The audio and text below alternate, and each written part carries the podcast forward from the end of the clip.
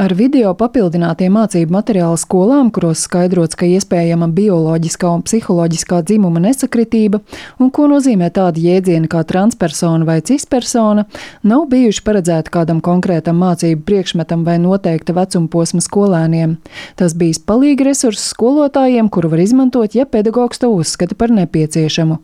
Tā skaidro valsts izglītības satura centra pārstāve Liena Bērziņa. Šajā gadījumā materiālam pretī bija norādīts, ka tie ir izmantojami sākot no 4. klases līdz pat 12. bet te ir būtiski uzsvērt, ka tas nenozīmē, ka 4. klases skolēniem šāds saturs tiek piedāvāts, piemēram, no vāka līdz vākam un kādā konkrētā mācību stundā stāstīts, rādīts un tā. Atcaucoties uz skolēnu vecāku sašutumu, ar publikāciju sociālajā tīklā Facebook plašākas sabiedrības uzmanību šiem mācību materiāliem piesaistīja pusauģu un jauniešu psihoterapijas centra vadītājs Nils Saks Konstantīnovs.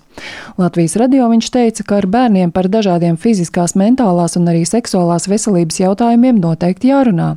Ideāli, ja tas notiek veselības mācības stundās, taču konkrēto mācību saturu viņš vērtēja kā pārmēru radikālu un ievirzošu it kā daudz runājam par to, ka pusauģa mentālā veselība pasliktinās, ir daudz grūtību, bet reizē eh, mēs zinām, ka ir arī konkrētas lietas, kā mēs paši šīs problēmas veicinam. Un eh, nu, šī varētu būt viena no tām sfērām un, un tādiem piemēriem, kurā tas tiek darīts, kur varbūt paši pieaugušie īsti labi neapzinoties, kādas ir šīs dažādās ietekmes, nu kaut kādā ziņā veicina varbūt ne tās veselīgākās izpausmes starp bērniem pusauģiem.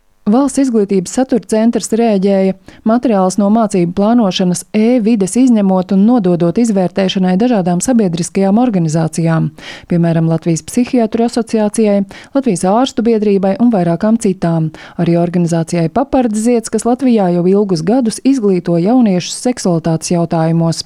Organizācijas valdes priekšsēdētāja Iveta Ķēle uzskata, šāds materiāls nepieciešams pirmām kārtām kā palīgs skolotājiem. Lai nebūtu tā, ka vidusskolā viņš ienāk klasē un, piemēram, kāds bērns stundā pajautā, jūs vispār skolotāji ziniet, ko nozīmē cis? Un tas skolotājiem ir tāds ups, jā. Ja? Es domāju, ka tas skolotājiem ir vērts zināt gan šos terminus, gan arī to, kas notiek, Savukārt organizācijas mamām un tētiem vadītāja Inga Akmentiņa Smildziņa akcentē, vecāki vēlas paļauties, ka bērni skolās saņem kvalitatīvu veselības izglītību un adekvātas atbildes uz saviem jautājumiem par augšanu un attīstību. Ja mēs kā vecāki, pedagogi vai sabiedrība nespējam sniegt atbildes vai sakam, beidz runāt muļķības vai paaugsies izstāstīšu, bērni atbildi atradīs. Viņi meklēs un to atradīs.